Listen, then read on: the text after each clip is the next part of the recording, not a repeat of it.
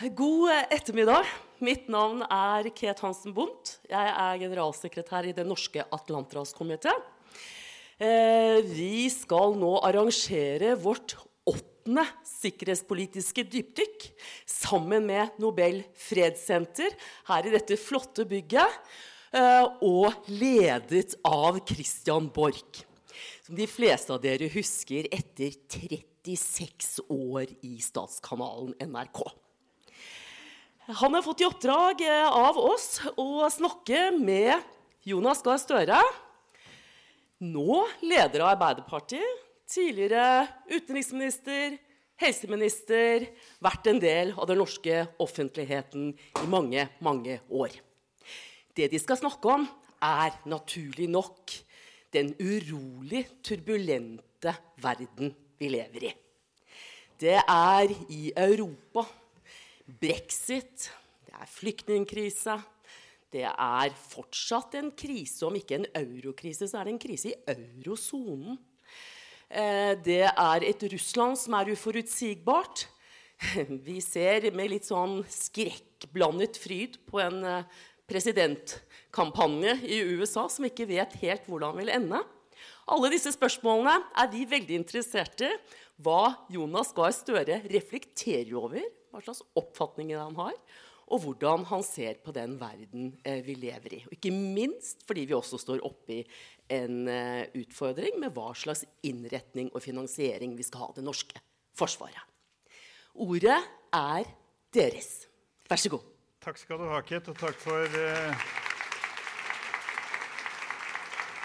Takk for at du bidro til å drive opp viltsmaken innledningsvis. for å si det sånn. Eh, Jonas Gahr Støre, velkommen til vår eh, krakk, vårt bord og vår scene. Tusen takk. For å, for å dra opp det brede lerretet først. Bør Norge fortsatt prioritere deltakelse i internasjonale allierte militære operasjoner?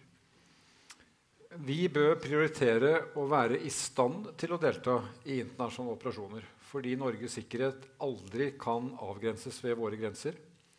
Eh, vi må ha en kapasitet til å kunne uh, svare FN. Hvis FNs sikkerhetsråd vedtar spisse spisseoperasjoner etter autorisere bruk av makt, så må Norge være i stand til å reflektere og vurdere.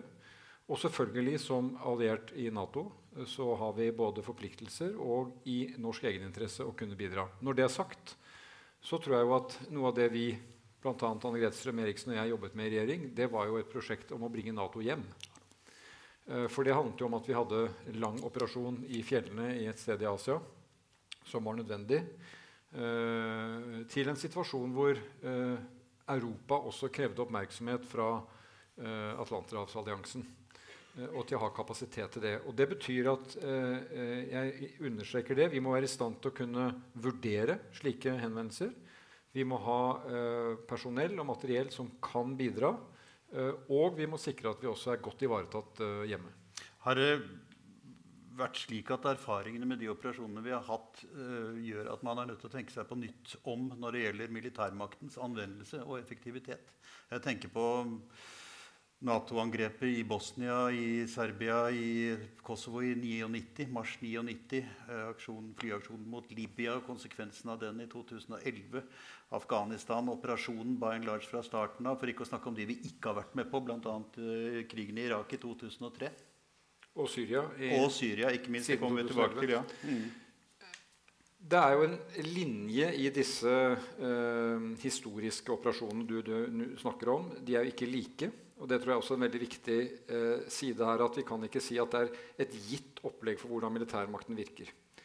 Men det vi har lært, om vi ikke visste det på forhånd, så kan vi si i fall kollektivt har vi lært at det militære er ikke eh, en, et redskap som skaper fred, skaper demokrati, skaper statsbygging, skaper skoler, skaper helse. Det er et spisst og stadig spissere, mer brutalt, dramatisk virkemiddel for å stoppe, bryte, eh, stå imot eh, krefter hvor alt annet har sluttet å virke, for å si det på den måten. Så jeg tror i hvert fall den lærdommen om å, om, om å, tro at man gjennom det militære Jeg tror jeg brukte den formuleringen eh, uka før FN autoriserte maktbruk i Libya. At du innfører ikke demokrati eller menneskerettigheter fra lufta. Eh, og du ser jo også disse militære operasjonene tar jo til hensikt å skjerme det personellet som deltar, men med stadig større ødeleggende kraft for de som blir uh, truffet av det. Store dilemmaer og det vanskeligste uh, en politiker har å vedta. Men nødvendig i noen tilfeller. Det skaper ikke fred fra lufta, sier du, men det har vel i og for seg ikke vært så veldig vellykket på bakken heller. når alt kommer til stykket. Altså Det du sier med at militærvesenet ikke, bygger ikke stat, bygger ikke et politisk system skaper ikke grunnlag for den type ting. Det er jo de erfarne vi sitter igjen med jo, fra Afghanistan. Men, men, det tror jeg er noe det ordskiftet vi må også lære fra Afghanistan, at det var aldri noen som sa at de kom til å gjøre det heller. Men det er en tro i det politiske ordskiftet som sier at bare vi nå setter inn det militære, så er eh, problematikken løst. Det opplevde jeg som det, noe av det mest dramatiske i opptakten til Libya. Nemlig en veldig sterk opplevelse av at bare vi setter inn militærmakt fra lufta, så får vi på en måte stoppet det som kan være i ferd med å skje. Men eh, eh det er litt som altså, det, det, Denne setningen om dette er det aller siste virkemidlet i rekken av de du skal bruke. Uh, og du må i fall tenkt veldig godt igjennom at det ikke finnes andre alternativer. Og det er, det er, et ekstremt virkemiddel når det er intervensjonen det snakker om. Her skiller vi jo mellom på en måte, selvforsvaret, evnen til å kunne stå imot og ha flere kjeder i det militære forsvaret koblet med sikkerhetspolitikk, men intervensjonen som du beskriver, er jo i tilfeller Milosevic, etnisk rensning, fordrivelse Nå kommer vi til en krise at vi må gripe inn. Det samme var jo opplevelsen i Libya. Uh, og jeg opplever vel at uh, jeg tilhører en generasjon politikere som fortsatt er sterkt preget av to episoder hvor man ikke klarte å gripe inn. Uh, Srebrenica og det som skjedde i Afrika med Burundi. Mm. Rwanda, Hutsier, Tutsier, hvor man sto etterpå. Bill Clinton sa vel det. Det var det største sorte hullet i hans tid. At ikke de mm. klarte å stoppe det. Mm. Og så har vi du kommer kanskje inn på det, dilemmaet med at uh, hva som skjedde i Libya uh, etterpå, uh, viste militærmaktens utilstrekkeligheter. Det andre eksempelet er jo da Syria, hvor vi ikke har grepet inn. Det er heller ikke en uh, solskinnshistorie. Beslutninger i Libya ble jo tatt med lynfart. Og det har jo vært kritisert sterkt etterpå på basis av det som skjedde, og på basis av det som ble av Libya etter hvert. Uh, en komité i Underhuset i Storbritannia ber jo nå om en offentlig gransking av beslutningen. Bør vi ha en sånn gransking og forsøke å jeg håper å si, løfte steiner og kikke under dem for å se om det er ting som ikke har vært til stede i den vestlige verdens måte å tenke disse problemene gjennom på? Det er en så dramatisk inngripen uh, i en så uoversiktlig situasjon at demokratier alltid etter min mening bør ha en gjennomgang av erfaringene med det. Mm. Uh, gransking, uh, du får kalle det hva du vil, men at man har en gjennomgang hvor man kan lære hva var det vi sto oppi, hva kan vi hente ut av det. For Afghanistan har vi jo nå en NOU, en stor rapport fra Godal-utvalget, som vi skal trekke lærdom fra jeg mener at det er jo dimensjonert til store, uh, dette store nærværet over så mange år. Mm. Vi kan ikke lage en granskning for hver, uh, hver episode.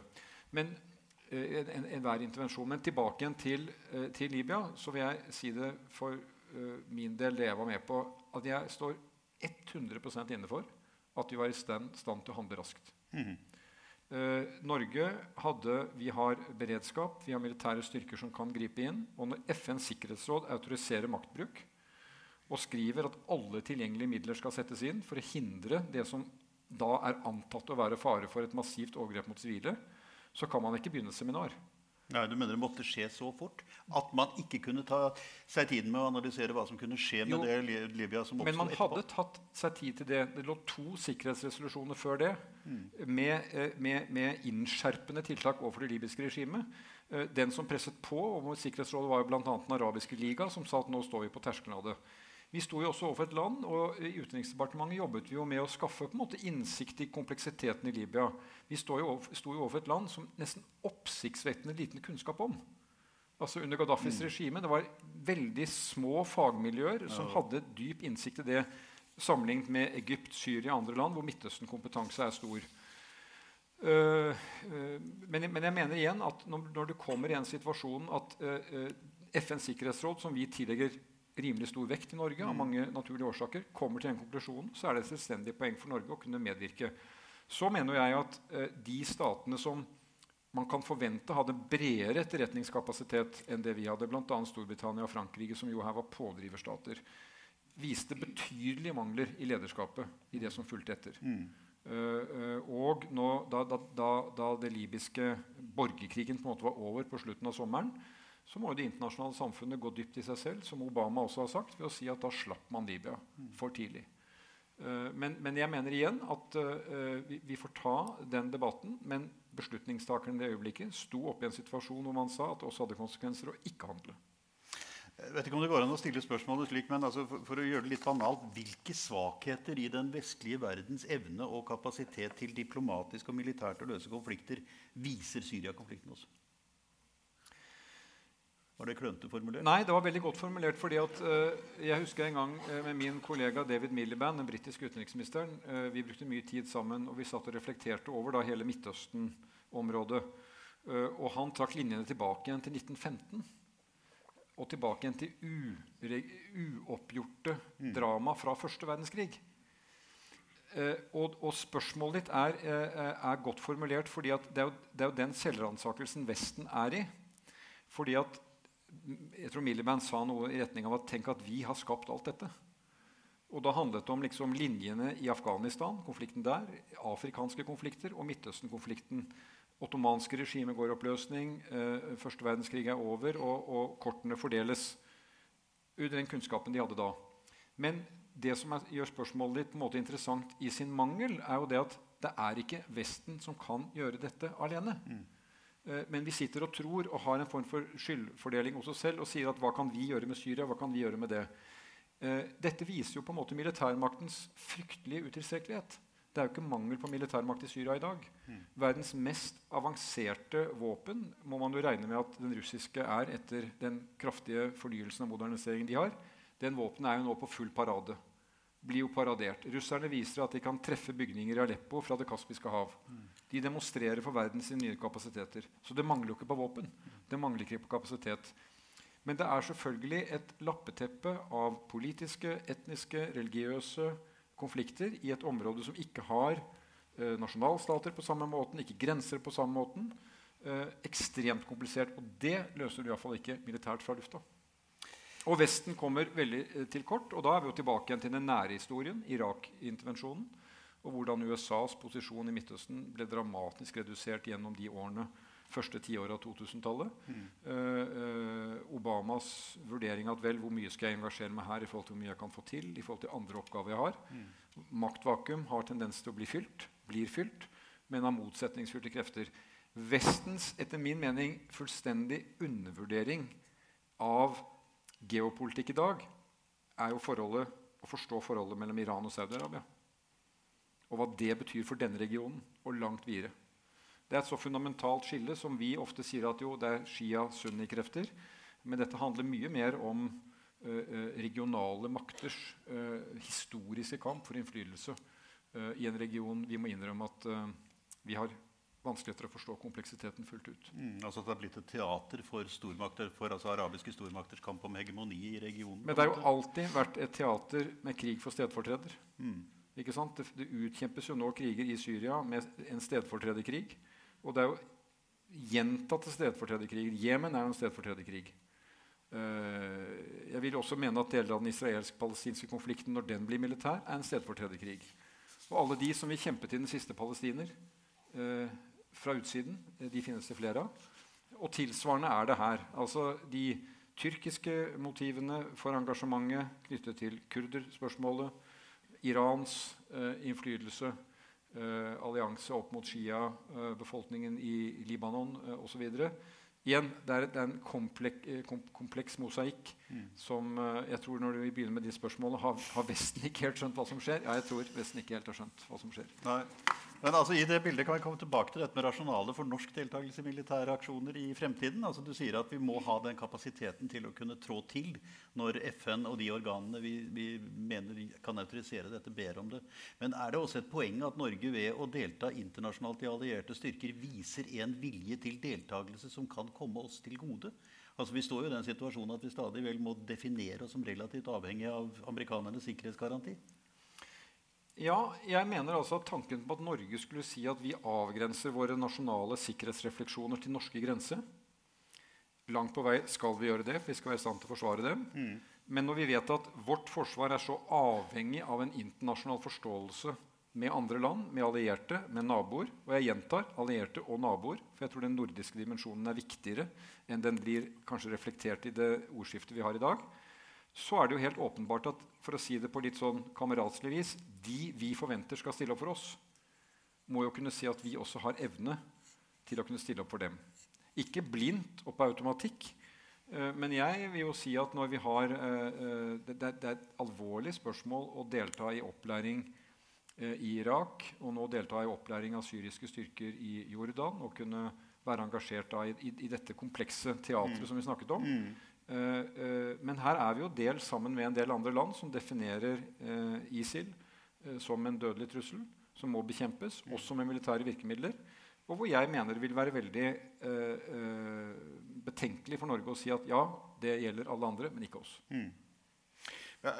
USA i denne situasjonen er amerikanerne vi på en måte ønsker å vise oss samarbeidsvilje overfor? Spesielt? Er den største allierte. Uh, har, det er ikke noe nytt nå. Jeg, jeg synes Folk sier nå at Norge har aldri vært så avhengig som vi er av USA nå. Den tabloide fremstillingen at hvor interessert er uh, USA i å forsvare Norge osv. Dette er en lang linje i etterkrigstiden bygget opp rundt uh, måten Nato-alliansen fungerer på. Norge er en vesentlig alliert for USA. vil jeg mene. Og vi har et vesentlig samarbeid, særlig knyttet til nord, knyttet til kunnskap om nord, og Norge som premissleverandør for å forstå det som skjer i nord, for å forstå Russland. Og En av de tingene som uh, man søker hos oss, det er jo også kunnskapen om å finne ut av det med Russland. Uh, ha et naboskap med Russland som også kan løse uh, problemer og tematikk.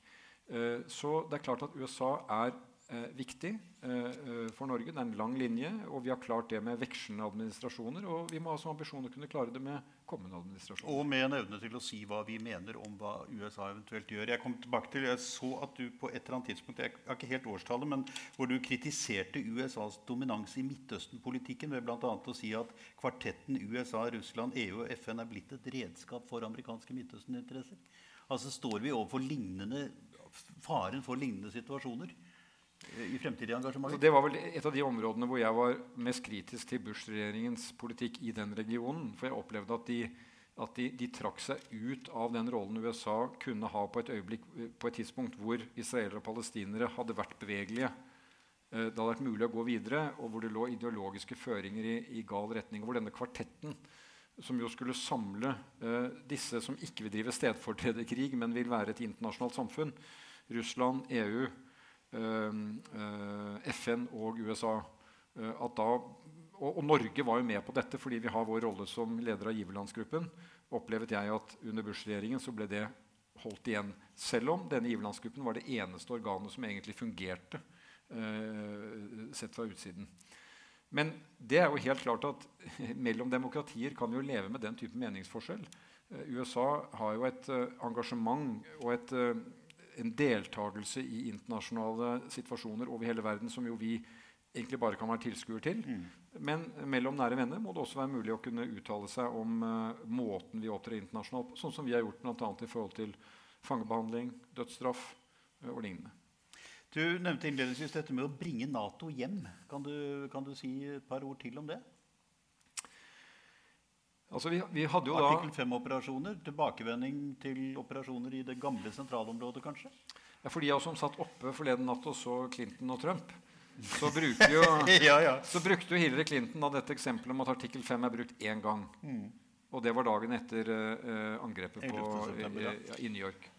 Uh, og uh, det er viktig å minne om. Mm. så hvem skulle tro at den solidariteten som man trodde skulle gjelde europeiske allierte i forhold til sovjetisk trussel, mm. ble brukt ute, ute der. Vel, jeg har jo vært tilhenger av den devisen at Norge gikk inn med de allierte og ut med de allierte og opptrådde som en alliert. Uh, og det mener jeg at vi da gjorde, uh, og var i stand til å gjøre ut fra de veldig vanskelige omstendighetene som var, og med et blandet resultat. Mm. Og jeg tror ingen som trodde at det skulle komme et blankt resultat ut av det, uh, hadde krav på å bli trodd på, egentlig. Mm. Men erfaringen var jo, som noen uh, norske militære sa, at vi fikk en hel generasjon norske offiserer som kunne mer om fjellene i Afghanistan enn om fjordene uh, i Nord-Europa. Mm, ja. Litt spisst formulert. Mm. Uh, og det er en sannhet i det. De gjorde samvittighetsfullt arbeid. Jeg mener de gjorde et fremragende arbeid. Og Anne Grete vet det. Vi har sett det på nært hold. Ble respektert for det. Men i en situasjon hvor det sikkerhetspolitiske bildet i Europa heller ikke står stille, så tror jeg det at evnen til å kunne sørge for at Nato kommer tilbake på en måte hvor vi kan også hevde vårt mandat uh, i uh, vår del av Europa, uh, det var viktig. Og det synes jeg er en av de tingene vi faktisk fikk til gjennom diplomatisk arbeid på en litt lavprofilert måte gjennom de årene, annen halvdel av første tiår, mm. uh, hvor uh, vi fikk uh, treningsfasiliteter i Norge. Analysekapasitetene kom opp. Det de kunne trene på å planlegge, handlet om situasjoner nære oss. Mm. og som gjør at vi i dag har relevans i forhold til våre allierte. Trening, oppmerksomhet om, om det nordlige som vi er avhengig av. Du sier at det sikkerhetspolitiske bildet ikke står stille. Det har vi jo da i betydelig grad kanskje fått erfare fra annekteringen av Krim osv. Har endringene i Russlands utenriks- og sikkerhetspolitiske profil og militære modus operandi spesielt endret eh, innholdet og holdningen i Norge når det gjelder synet på nordområdene og arbeidet med normalisering av de områdene der oppe? Altså Har det lagt liksom listen for en ny type politikk? Det interessante er jo det at når du ser på erfaringene med Russland da, i disse årene fra sånn 2005 til nå, uh, har vært gjennom et betydelig skifte. Mm. Det er de samme folkene. Det er ikke et regimeskifte, en ny regjering, en ny president, en ny kurs. Nei, det er veldig mye de samme folkene. Ja, det er til de grader de samme folkene. Og ned og ut inn ja. i et kjør, ja. ja. Men, men, men, det sier også noe om uh, det betydelige utfordringene å forstå Russland. Uh, det, det, er en sånn Carnegie-forsker som har skrevet om russerne at de er 'lost in transition'. Uh, og det er egentlig et, et, et, et, begrep som egentlig speiler på at Husk på det at dette Sovjetunionen som bryter sammen, kaotisk 90-tall, så gjenvinner man makten rundt Putin, og så settes det en ny kurs. Vi ser ikke helt hvor den landingen er. Mm. Uh, og uh, jeg tenker at de, de, årene vi hadde da rundt 2010 og de første fem årene jeg hadde som utenriksminister, hvor vi gradvis kunne gjennom kjent og nytt diplomatisk arbeid bringe delelinjen på plass. Mm. Uh, det skapte jo det bildet om at det, er, at det, er, mulig å få til slike ting med Russland. Og vi, vi holdt foredrag i Nato fra norske regjerings side som vi kalte High North, Low Tension. Mm. Og viste hvordan vi kunne utvikle naboskapsforbindelser da mulighetene bød seg. Uh, men det er jo helt klart at de, Og vi, jeg fikk forhandlet grenseboerbevis med Lavrov i nord, som betød at du kunne reise over grensen med det samme visum. måtte ikke fornye hver gang. Ingen mm. andre land har fått til det. Mm. Uh, og, og vi, vi, har fått til veldig eh, bra samarbeid. Så kommer Krim. Mm. Så kommer Syria, opprustningen, Putin, demokratiet som krympes inn, hvis det kan kalles demokrati. Sanksjonene. Og, og så kommer sanksjonene, mm. selvfølgelig. Og det setter jo nok en, helt sikkert en støkk i nordmenn. Eh, men jeg tror samtidig at og Her er det jo en, en, interessant diskusjon om norsk utenrikspolitikk, som etter min mening alltid har disse to bena i forhold til Russland den allierte tilhørigheten som, et, som, småstaten må ha ved siden av en stor, til, til dels uforutsigbar nabostat. Uh, og Derfor er vi med på sanksjonene og vi er med på felles opptreden og vi er med på å tenke kollektivt. Samtidig er vi nabo. Du kan ikke, du kan ikke løpe fra din geografi. Og der har vi jo klart uh, Spenningen i nord er jo ikke oppstått i nord. Den kalde krigsspenningen oppsto som en geopolitisk spenning. Spenningen nå kommer ut av Krim og Midtøsten. Den er ikke oppstått på grensen, eh, selv ikke dette grensegjerdet som nå må flyttes 1 cm for å Merkelig beslutning for øvrig. Mm. Den, eh, det er ikke der det oppstår. Mm. Men vi er tror jeg er blitt gode på å si at vel, vi får ut fra omstendighetene finne ut av det med Russland. Når det er muligheter, så griper vi dem. Mm. Når mulighetene er borte, vel, så får vi på en måte krøke oss sammen og komme, komme gjennom det. Men er denne dialogen vesentlig forverret? Ja, jeg mener den er det. Og, og, og dette er et, et, et, altså, vi har fra Arbeiderpartiets side gitt regjeringen støtte, slik det høver seg i Norge. For vi opptrer samlet i forhold til disse viktige spørsmålene. Støtte til sanksjonene, støtte til å være fast i forhold til den opptreden Russland har, som mm. ikke kan aksepteres. Men samtidig så er jo dette litt det muliges kunst også, hvordan vi utvikler naboskapsforholdet. Og jeg vil jo mene at det er viktig for Norge å fortsette å ha politisk faglig, altså på myndighetsnivå, eh, og annen type kontakt og dialog. Selv når disse internasjonale forholdene eh, drar seg til. Og Hvorfor er det viktig? Jo, vi så det i fjor høst ved Storskog. For når du er nabo, så oppstår det situasjoner hvor du er nødt til å finne løsninger. Og da må du ha de kontaktene oppe til, til å kunne håndtere det. Da nytter det ikke å si at vi har ikke snakket sammen på et år på politisk nivå. Jeg tror vel at uh, Fra norsk regjerings side så har man kanskje hatt etter hva jeg forsto, tre-fire møter på politisk nivå siden Krim. Mm. Jeg tror finnene har hatt over 20. Uh, og det som, er, det, som, det som er, man må tenke gjennom da, det er at hvis man bruker dramatisk redusert politisk kontakt som virkemiddel, så vil det å øke kontakten igjen kunne bli sett på som en innrømmelse. Mm. Når du begynner å snakke igjen, så ser det ut som du på en måte gir etter for et eller annet. Og da er jeg kanskje mer tilhenger av at man må, man må holde det gående. Uh, uh, i uh, selv i vanskelige tider. Hva kan bli Norges bidrag til alliansen når det gjelder nordområdene? Eh, etterretning, et våkent øye på det som skjer på Kolahalvøya? Eh, er det et vesentlig bidrag? Altså Hva kan bli? Hva, hva er bli, Norges ja, ja. bidrag? Og det er klart at Jeg pleide å kalle det i UD aktivitet og nærvær og kunnskap. Hmm. Det er vårt viktige bidrag. Og det er klart at det at vi kan nordområdene, hva som skjer på havet, under havet, i lufta, i området, det et vesentlig for Ingen andre kan erstatte det. Det er vi som kan det. Og Derfor er det aldri eh, noe alternativ for Norge, slik mange andre land gjorde etter 1990, skalere ned kunnskapen om, om Russland, om russisk, om historie, om kultur. Jeg mener vi har klart i norsk UD og det norske sikkerhetssystemet å opprettholde den kunnskapen. Det, det, det, kan aldri diskuteres. Det må være på høyt nivå. For ingen kommer til å gjøre det for oss, og det er vi som bør gjøre det. Det, Det, blir ille hvis andre må gjøre det for oss. Og så mener jeg jo at vi skal også innrette vårt forsvar slik at vi er i stand til å ha eh, oversikt over disse store områdene. Følge med hva som skjer over havet, på havet, under havet. Eh, eh, på en måte som, eh, som er i, i, i, retning med high north, low tension. Vi ønsker et, et, et, lavspenningsområde, men det er et område som også er en del av Nato. og da skal vi også ha et synlig Nato der. Hva med det nordiske samarbeidet i den sammenheng? da? Altså Sverige, og Finland og Island osv. er jo nokså nordiske, de også? Eller i hvert fall nordområdeaktige? De er veldig nordiske. ja, det er det. Jeg mener det er også et område vi burde arbeide mer med. Eh, Sverige og Finland er i dag Natos nærmeste partnere by far. Mm. Uh, og det er jo en større debatt om disse tingene. Altså, det er jo en større debatt om forholdet til Russland i Stockholm og Helsingfors i dag enn det er i Oslo og i det norske miljøet.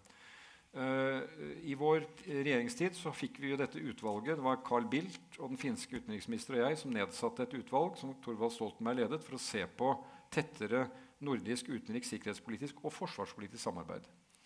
Og det ble et mye tettere samarbeid mellom de øverstkommanderende som vi sier, i de tre landene. Det foregår felles øving, felles innkjøp. Uh, uh, og det er klart at Når du ser på det nordiske teatret, om du bruker det ordet, mm. så vet vi jo at vi kommer ikke til å være uberørt.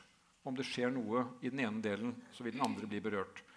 Og På bakgrunn av Stoltenberg-erklæringen så fikk vi jo vedtatt for første gang en nordisk solidaritetserklæring som ikke kommer på nivå med artikkel 5 eller EUs klausuler, men den sier og jeg tror det var Bildt som formulerte dette i Sverige Sverige vil ikke være uberørt om en nordisk nabo kommer i en krise. Mm. Dette er et spor som jeg mener er blitt i for stor grad forlatt. Det er ikke blitt fulgt opp, og det bør følges opp.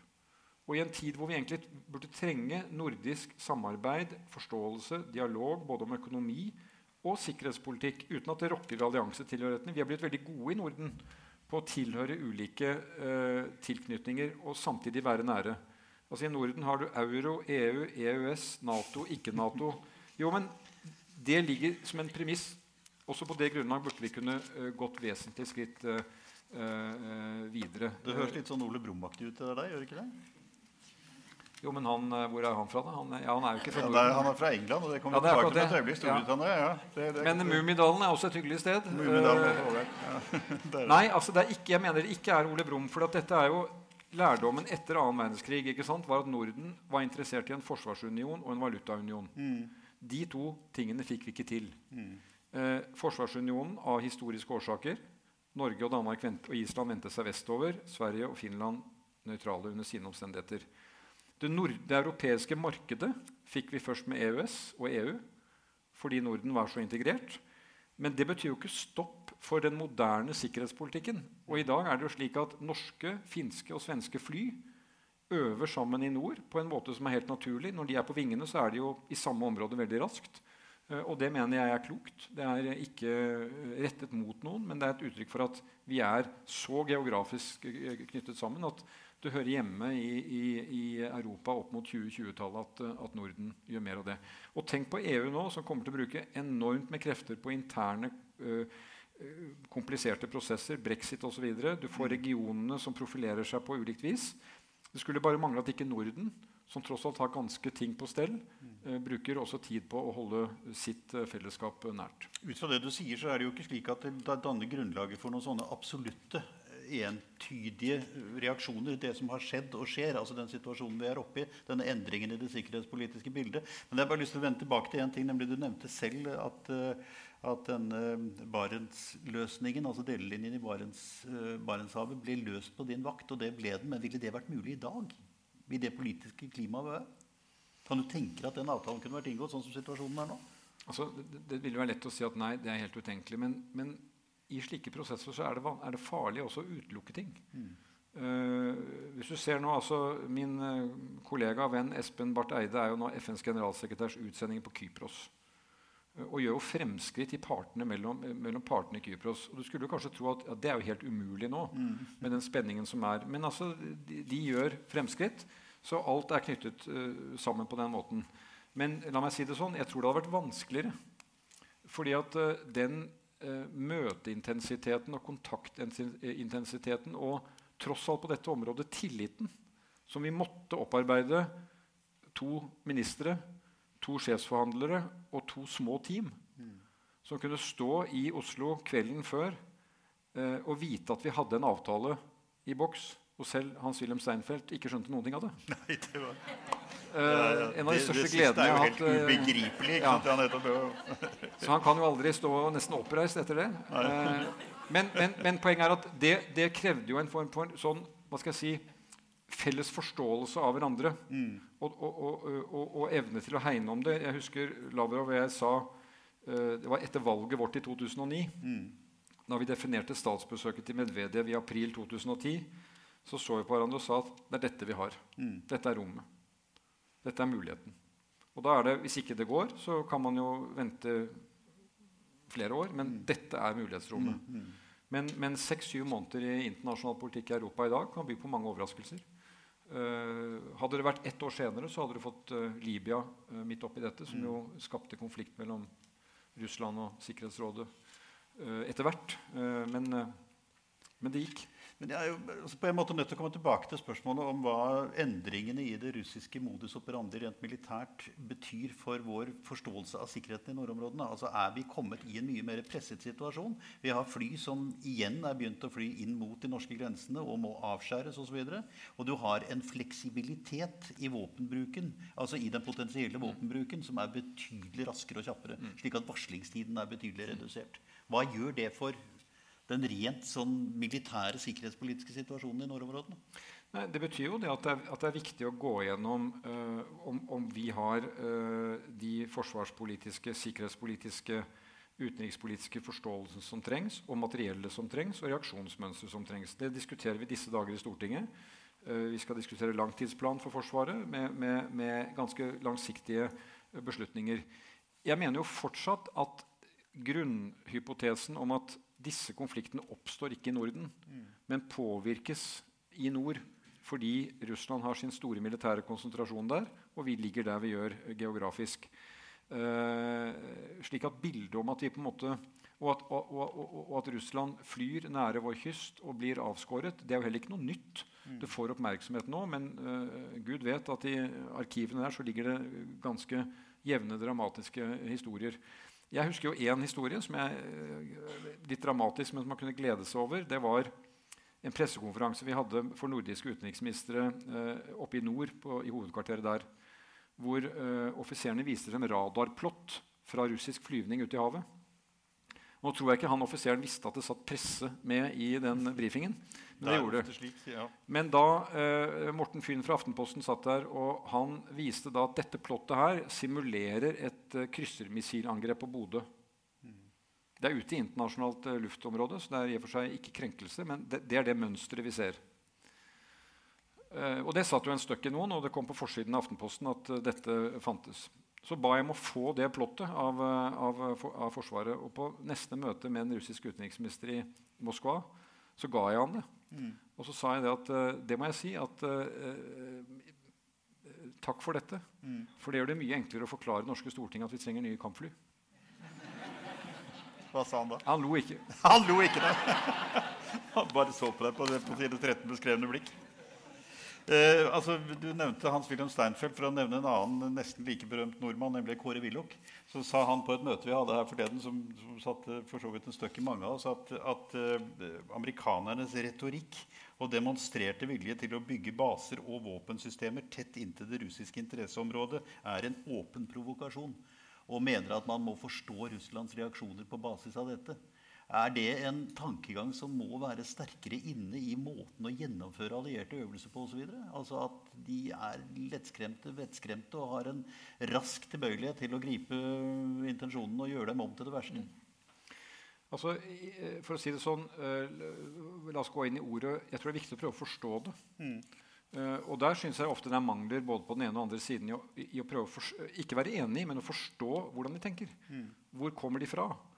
Uh, jeg mener at, eh, og det sitter mange med god kunnskap om Russland her. Jeg er vel av de som mener at måten Russland opptrer i Europa på i dag, ikke er en aggressiv ekspansjonist, men det er en aggressiv isolasjonist. Altså et land som hegner om det det anser å være kritisk for dem, og viser vilje til, til, til aggressiv opptreden for det. Uh, og i den russiske narrativen så er det selvfølgelig at uh, Natos utvidelse østover, aktivitet østover, bygger opp under den fortellingen. Uh, la meg si Det sånn, det er viktig å forstå det. Det betyr ikke om man skal kjøpe den historien som premissleverandør for hvordan alle andre skal opptre. Uh, landene øst i Europa har rett til å gjøre sine valg for sin sikkerhet. Det å stå på utsiden og si at den retten har du ikke, det, det, er, det er feil. Men det er jo noe av det som er jeg tror Tony Blair skrev om det da han, i, i sine memoarer da han gikk av, at han mente at, at eh, Vesten mistet en mulighet i det første tiåret av dette århundret i å forfølge samarbeidet med Russland mye tettere. Fordi vi måte, fikk Afghanistan, fikk Irak, eh, og så tenkte man Russland er nå et annet kapittel. Eh, og så ble det russiske lederskapet sittende igjen med en opplevelse av at, at vi på en måte er på utsiden. Det forsterket det bildet. Og det, det, tror jeg alltid gjelder Russland. at uh, igjen, Det handler ikke om å være enig i det, men det er, en, det, det er, en, annen historie. Det er en annen fortelling. Det er en annen narrativ om, uh, om oss og verden uh, som de har. Det er jo interessant i den sammenheng at Nato for første gang på flere år bruker atomvåpnene, altså uttrykker faren for bruk av atomvåpen i kommuniké fra det siste toppmøtet. Det blir jo en eskalering av eh, den verbale spenningen. i hvert fall dette. Det kommer jo som et svar på at Putin har sagt det samme før. Ja. Men allikevel plutselig er altså atomvåpnene inne i bildet igjen. på en måte som et ja, Det har jo vært en del av Natos strategiske konsept. Det har jo det, men... uh, og da det ble oppdatert, så, så var det der inne Ja, men det er jo, det er jo en, dette er jo en logikk og en spiral som ikke er bra. Det er klart det, og, og, og, når det ikke er mulighet for å få vendt noen av de sporene i retning av at man kan gjøre ting sammen Noen hadde vel antatt at kanskje, kanskje kunne Syria blitt det. Men kanskje forteller det igjen hvor lite man forstår på vestlig side av hva Syria egentlig handler om.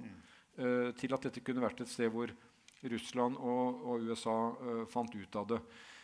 Jeg opplevde i, fall i den tiden jeg hadde med, med russisk utenrikspolitikk å gjøre, at uh, de var en veldig Hva skal jeg si Eh, skikkelig deltakere i det som var Barentssamarbeid, nordisk samarbeid, arktisk samarbeid. Deres ministre stilte, godt forberedt, deltok, og, og, og, det skjedde etter boka. Og jeg følte behov for å si noen ganger, når vi også i norsk debatt har en veldig sånn automatisk kritisk fokus på at det er aggresjon som ligger bak det russerne gjør Vel, både Norge og Russland er kyststater i nord. Vi opptrer veldig mye i tråd med det som er folkerettens bestemmelser. Vi kartlegger kontinentalsokkelen. Og russerne har stort sett fulgt spillereglene for det. Og husk det, vi, vi, løste delelinjen etter boka. Og Der står det at hvis du har overlappende soner, så skal det finnes en delelinje gjennom forhandlinger. Det gjorde vi. Uh, men, men uh, uh, altså, lesningen av hvordan de da på en måte opptrer på utsiden, er jo preget av en veldig nostalgi tilbake til stormaktstatusen. Eh, og jeg kunne noen ganger si til russiske kolleger at dere har liksom ikke glemt Jalta. At det var noen få rundt et bord. Tre stykker. Ja, men det var også sant, etter, etter FNs sikkerhetsråd hadde gjort sitt vedtak om Libya, som Russland da ikke hadde lagt ned veto, veto mot, men raskt ble veldig kritiske til. Så for å si det sånn, Jeg tror ikke det var det at det ble intervenert militært som opprørte dem, men at ikke de satt på innsiden. Mm. Uh, og, og, dit ville Putin gjennom det han nå gjør i Syria. Det er én av beveggrunnene. Ja, Det er jo altså spørsmålet om dette med å trekke opp dette våpen, uh, atomvåpenspørsmålet er counterproductive rent diplomatisk. Da. Det er jo en måte å flekse, flekse muskler på, som det heter på godt norsk. Men uh, er, det, er, er, det, dumt, for å si det sånn? Altså, mener, Burde man opptre en annen, med en annen profil? by and large? Altså, dette er jo litt av den eh, litt sånn infernalske dialektikken i dette. ikke sant? Den ene sier det, den andre sier det. Det skal balansere seg. Men er det, er det fare for at, at, at det si, torpederer avspenningsarbeidet på atomvåpensektoren? At det kommer frem på denne måten? Jeg tror ikke det i seg selv er faren, men det er veldig farlig at nedrustningsarbeidet på atomsiden stopper opp. Mm. Uh, og det har det gjort. Ja, det har det til de grader gjort. Og det mener, det mener, jeg det er fortsatt veldig farlig. Og det er grunn til å bruke liksom, et lite minutt på det. fordi mm. eh, mange av oss her vil jo huske at spørsmålet om atomvåpen formet liksom, engasjementet i veldig unge, i unge år. Nedrustningen, faren. Så da den kalde krigen var over, så forsvant på en måte det temaet. Nå er ikke det farlig lenger. Mm. Og så etter hvert så ble man klar over at det er veldig farlig. Våpnene finnes. Mange av dem har hatt dårlig kvalitet. Vi jobbet jo med å ta vare på avfall uh, fra russiske atomubåter. og Kursk. Uh, ja, den, den, klarte jo ikke å hjelpe. Den, den sank jo. Men uh, så fikk det jo interessante da stemmer. Henry Kissinger, Perry, George Schulz, republikanske og demokratiske utenriks- og forsvarsministre som sa at det er nødt til å komme dynamikk i forhandlingene for nedrustning mot null. Og mange eh, på en viss side av politikken her i Norge får helt sjokk når noen sier sånn. Men det de på en måte så, at hvis ikke det er et mål om å komme dit, så er det heller ikke noen bevegelse i den utviklingen. Og hvem var den første som sa det? Ronald Reagan. Og Gorbatsjov i Reykjavik. Og det er interessant å lese nå de materialene som kommer frem fra Reagans første år i Det hvite hus, uh, hvor han tok opp med sine folk uh, at han som president fant det veldig vanskelig å leve med det at han sto overfor en eksistensiell trussel mot USA. USA kunne bli utslettet. Mm. Hva gjør jeg med det? Jo, da var En del av det var at man skulle utvikle stjernekrigprogrammet og kunne skyte ting ned. Men det andre var at man måtte i gang med forhandlinger for å, for å snu den utviklingen. Mm. Uh, og Obama var tydelig på det da han ble valgt. Og det uroer meg veldig at de prosessene er, er, er så å si stoppet helt opp. Uh, og at uh, hva som står i Nato-erklæring og en russisk erklæring, det, det, det, det, er egentlig små biter i noe som er en veldig uh, utvikling i gal retning. For det er, det, er, nok atomvåpen i verden. Det kommer flere. Det er nok atomvåpenstater i verden. Det kan komme flere. og de største burde se at det også var i deres sikkerhet å få snudd det og få nivået ned med et mål å komme til null. Det symbiotiske samspillet mellom Gorbatsjov og Ronald Reagan var vel en sånn form for personkjemi som du ikke kan planlegge. for å si det forsiktig. Altså, Den vokste jo opp med et rasende tempo. Den skremte jo vettet av Nato. Jeg husker jeg satt i Nato-hovedkvarteret dagen etter at dette hadde skjedd. og det var jo altså helt sånn, Folk turte jo ikke å åpne munnen engang. Det var liksom helt sånn kaldt. Men det har jo vært effektivt. Og de var jo, det var jo very unlikely i begge tilfeller. Og man kan jo på en måte ikke planlegge for dette. Ja da, nå tror jeg ikke altså, eh, Det er alltid interessant sånn spørsmål på statsvitenskap på universitetet. Hvilken rolle spiller de personlige forbindelsene? Og svaret er jo det at eh, det, det er alltid mer enn null. Men, men, men, eh, men, her var det jo en litt ulik fellesinteresse. Dette var jo en måte amerikanerne også tvang Sovjetunionen i kne gjennom opprustning, og de klarte ikke økonomien i det. Mm. Og at Gorbatsjov var interessert i å en, sette en stopp på det. Uh, pluss at det var jo starten på at den kalde krigen gikk mot slutten. av, av mange årsaker. Mm. Vil Norge ta en lederrolle i arbeidet for kjernefysisk nedrustning? Det må du spørre han oppe på Victoria terrasse om. Uh, ja, nei, altså, jeg, Vi snakker jo nå liksom med sikte på at Arbeiderpartiet skal til valg, ja. og til valg og sånn. Ja. Altså, jeg, prikk, prikk, prikk, prikk. Spørsmålstegn. ja. Mm. Men alle må være liksom bekjente med hva er våre, våre styrker og muligheter. Jeg mener jo at på dette området så kan Norge spille en rolle nøkternt analyserende om hva vi er i forhold til hvem vi er mot. Og så tar du nedrustnings, de, de, altså de, de, virkelig viktige nedrustningsvedtakene som er tatt de siste 15-20 årene, to av dem har Norge vært i front på. Mm. Antipersonellminer og klasevåpen. Unlikely, det også. Mm. Men vi fikk med oss land. Vi skapte dynamikk. Vi fikk til slutt med 2-23 Nato-land eh, som signerte på dette, og amerikanerne kunne leve med det. Atomvåpen er jo en mye mye større eh, sak. Men, men, men, jeg tror at hvis ikke det er land som holder disse spørsmålene på dagsorden, utfordrer atomvåpenstatene, setter en realistisk spor for å få arsenalene ned, så, så er det en farlig situasjon.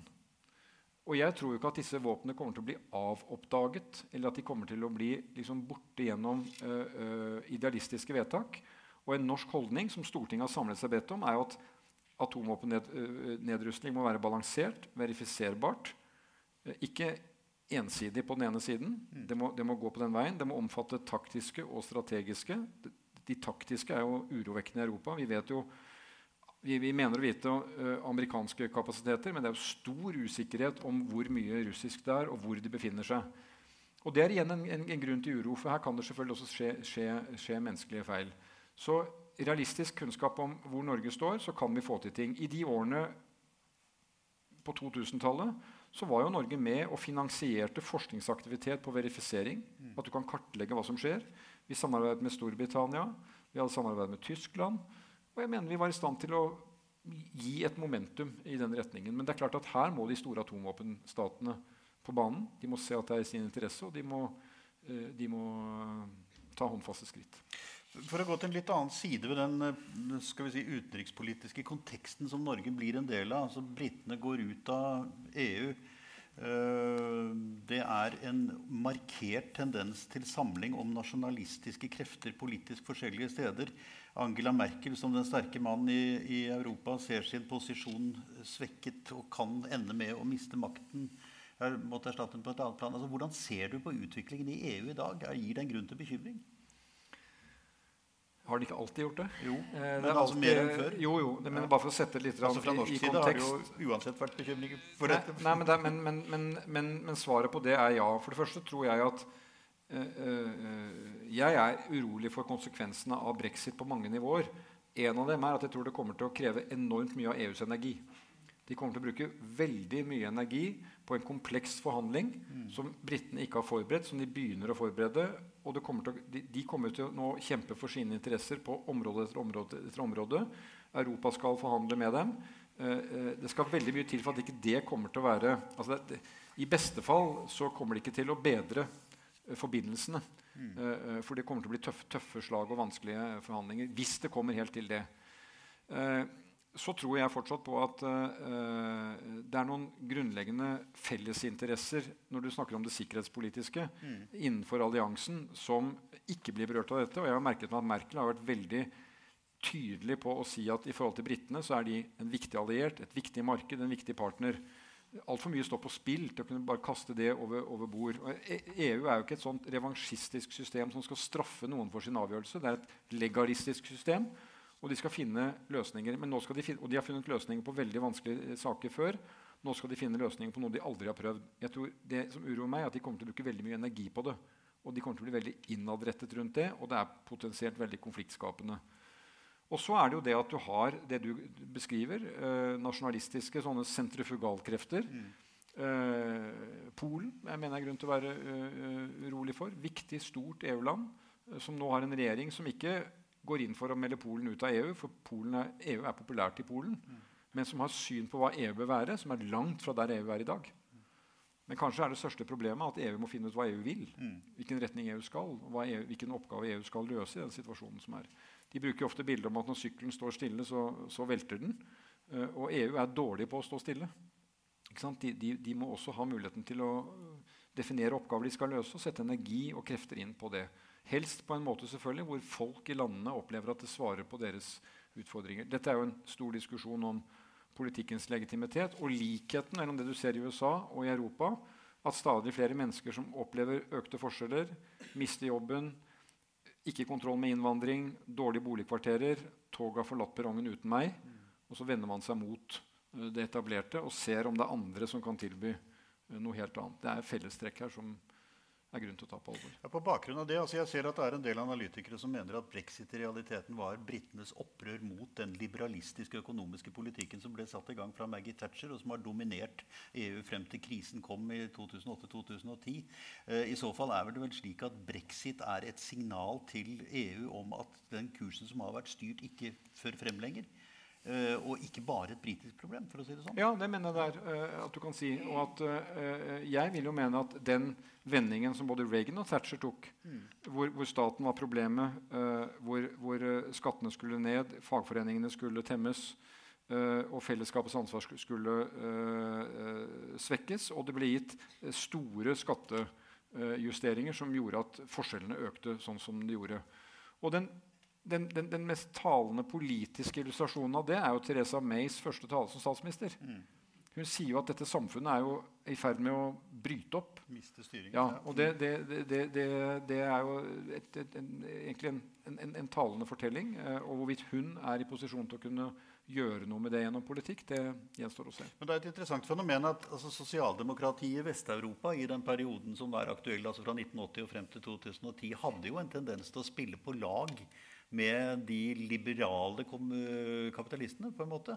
Altså Tony Blair ble jo definert som mer thatcheristisk på enkelte områder enn Thatcher selv. Og hvordan var det her? på en måte? Altså, Det var vel ikke slik at det ble en plutselig kursendring da Kåre Willochs første regjering eh, Nei, men 1970-tallet med stagflasjon. Du hadde stagnasjon og inflasjon sammen. Mm. Høy ledighet, høy inflasjon sammen viste jo at mange av etterkrigstidens virkemidler for å styre økonomisk politikk ikke holdt. Mm. Uh, og hvor det var nødvendig å gjøre dereguleringer og, og, og ta, til, ta, høyde for at det var en del av et større europeisk sammenheng. Det mener jeg er helt nødvendig. Alternativet til det, som ikke ble forfulgt, hadde vært veldig veldig feil. Hadde ikke løst uh, moderne problemer. Men det interessante nå tenker jeg, er at Jeg bruker ofte den, den, den, fortellingen. Jeg mener jo at vi her i Norge og i Norden så har, har sosialdemokratiet tross alt sammenlignet med andre land forsvart seg rimelig bra. Uh, Arbeiderpartiet jeg leder, er vel det Arbeiderpartiet som står sterkest i Europa akkurat nå. Det er den norske situasjonen. Uh, men en historie fra tidlig 90-tall, hvor jeg reiste med Gro Harlem Brundtland som internasjonal rådgiver, så var det Washington konsensus som, som gjaldt. Og da var det når du kom fra Norge da, så fikk du høre at dere kommer ikke til å klare dere i den globale økonomien. Og det skyldes at skattene er for høye, Fagforeningene er for sterke. Velferdsstaten er for stor. Eliten er for få. Det kommer ikke til å gå. Og jeg pleide å si at Som en ung og følsom sinn så tenkte jeg det var eh, tungt å komme tilbake fra Davos og Washington og London og høre disse meldingene. Så utover på 90-tallet så stilnet de stemmene en del. Og så utover på 2000-tallet så, så man jo hvilke land er det som klarer seg med rimelig bra statsfinanser, holder ledigheten rimelig i sjakk, skaper nye arbeidsplasser, tar i bruk ny teknologi jo, det er jo landene nord i Europa. Og I 2011 så arrangerte World Economic Forum i Davos en egen temadag om de nordiske landene. Hvorfor får de det til? Ja, la oss spole tilbake. At skattene er høye, det avhenger av hva du gjør med de skattepengene. Hvilke oppgaver løser de? Løser de utdanning, helse, veibygging, forsvar, forskning bedre enn om det skal skje på den amerikanske måten? Sterke fagforeninger det er jo den norske modellen som gjør at sterke fagforeninger forhandler lønninger som tar ansvar. Billig arbeidskraft i Norge er ganske dyr. Kvalifisert arbeidskraft er ganske billig. Og, og, det der leverer våre sterke fagforeninger mot en sterk organisert arbeidsgiverside. Et unikt eh, kjennetegn. Så, så, kanskje var det slik at eh, Og nå er jo på en måte, når du leser i fall internasjonal finanspresse nå, så begynner man jo nå å se på denne Washington konsensus som det var det som var. Det gir ikke svarene på det som er nå.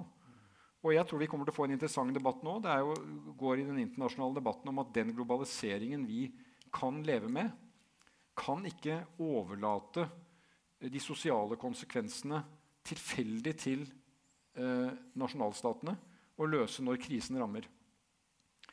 Altså at den sosiale regningen for globale markeder som går over ende, den blir overlatt til folk på gaten i det enkelte land. For når det kommer til syvende og sist, så er det ikke noe EU eller noe pengefond som tar det. Det er den greske folket må ta det. Mm.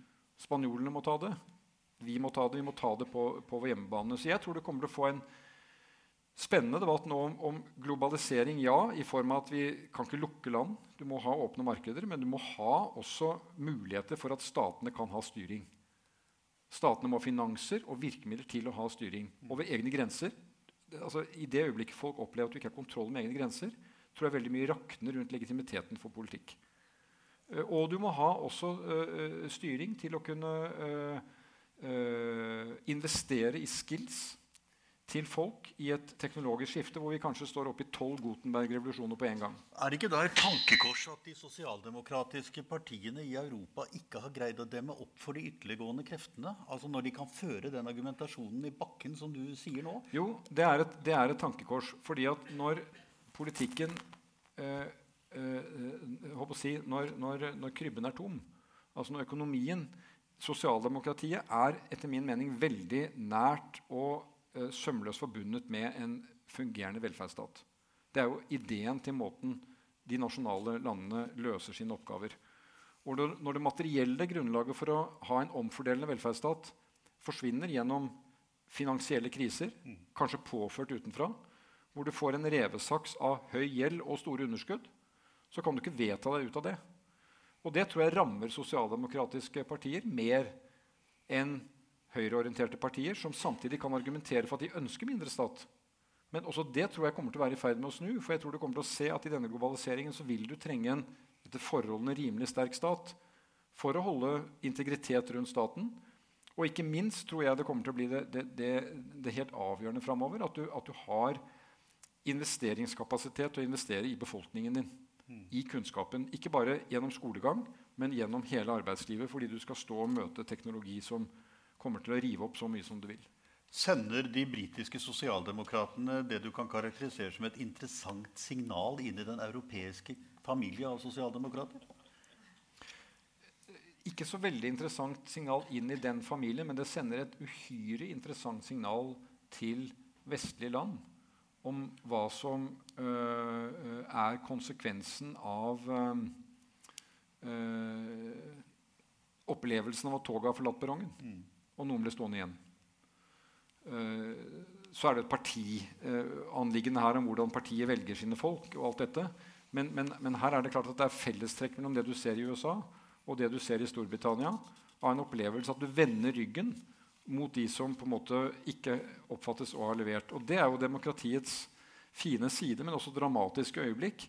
at Hvis du går til valg, lover, forsøker å gjennomføre, så er det et slingringsmonn, for det er ikke alt som går som du tror. Men hvis folk dypt sett opplever at du ikke er i stand til å løse deres hverdagsproblemer knyttet til arbeid, bolig, veldig viktig, nærmiljø, miljø og klima, og det skjer én og to og tre ganger, vel, da er ikke folk uh, annerledes innrettet, tror jeg. De snur seg rundt og ser er det noen andre som kan tilby det. Det har gått riktig ille mm. i tidligere tider, og forhåpentligvis ikke nå.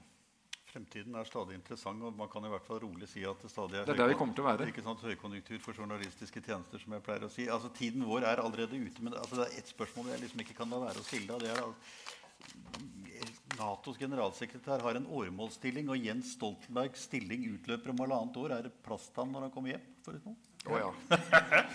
I, I, bøtter og spann. Nei, det får vi se på. Vi skal finne plass for den. Okay. Takk skal du ha.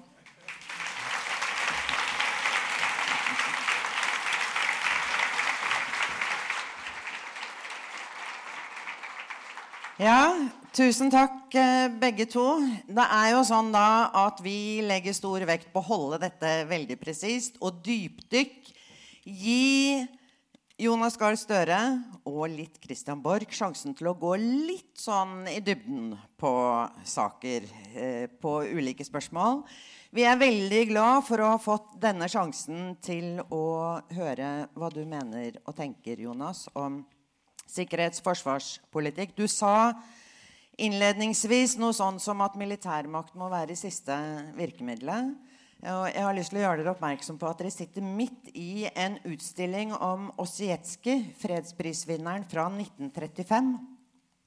Og når dere kommer tilbake og ser denne utstillingen når den er liksom plassert, satt ordentlig ut, som den er eh, resten av tiden, og vi ikke har dypdykk her, så vil dere se eh, klare paralleller til dagens Europa med mobilisering, radikalisering alle bekymringstrekkene som utviklet seg utover på 30-tallet, og som peker nettopp på alle de tingene vi bør gjøre før vi kommer til akkurat de militære virkemidlene som du snakket om, Jonas. Vi må gjøre dere alle oppmerksom på at eh, vi lager dette også som podkast. Så når dere går inn på Nobel Peace Center, på iTunes og Soundcloud, så finner dere dette opptaket i løpet av kvelden. Du høre på en gang til. Ja, da kan du høre på en gang til, du òg. Du kan, Ja. Blir ikke det fint? Han kan jo gjøre det to ganger, for dette går jo også, også ut på den berømte podkasten. Fantastisk. Ja, altså, ikke sant? Du kan velge kanaler her og høre det både to og tre ganger, Jonas. Så må jeg få lov til å takke. Og da begynner jeg med den berømmelige Christian Borch. Han er nemlig veldig enkel. Han har vært her så mange ganger nå at han ønsker egentlig ingenting annet enn en, enn disse sjokolademedaljongene. Ja. Som brukes som med Medaljene heter det, som, han da, som dere også får kjøpt i butikken. Og han sier hver gang at det er ikke til han, men det er til hans barnebarn. Som Ja. Deler det ut etter Ja, han deler det ut. Og så, Jonas Jeg har også barnebarn, altså. Bare ja, si det. Jeg skal Du får både sjokolader, medaljer, og de kan du faktisk gjøre akkurat hva du vil med. Da. Enten gi det til barnebarn eller barn, eller spise de selv. Og så så vet jeg at du har fått jubileumsboken til Nobels fredssenter før. Så den får du ikke nå. Derimot så får du da 'Speeches That Change the World'. Bra. Ikke fordi jeg tenker at du trenger det, men fordi jeg tenker at du er en lærende, lesende, lyttende, analyserende person. Og så skal du begynne valgkamp ganske snart. Og da kan det jo tenkes at det er noen flere gullkorn å hente derfra også. Tusen takk. Så stor takk til dere begge to. Og da takker vi alle dere for at dere kom. Og så må jeg bare si én ting avslutningsvis. Og det er at fredag om en uke så offentliggjøres det en ny fredspris. Eh, dagen etter så har vi åpen dag her på Nobels fredssenter med Kasi Kullmann Five, komiteens leder. Og tirsdagen etterpå så arrangerer vi samtale-debatt her på kvelden for å belyse prisvinneren, diskutere, og velkommen skal dere være også til det. Tusen takk for i kveld.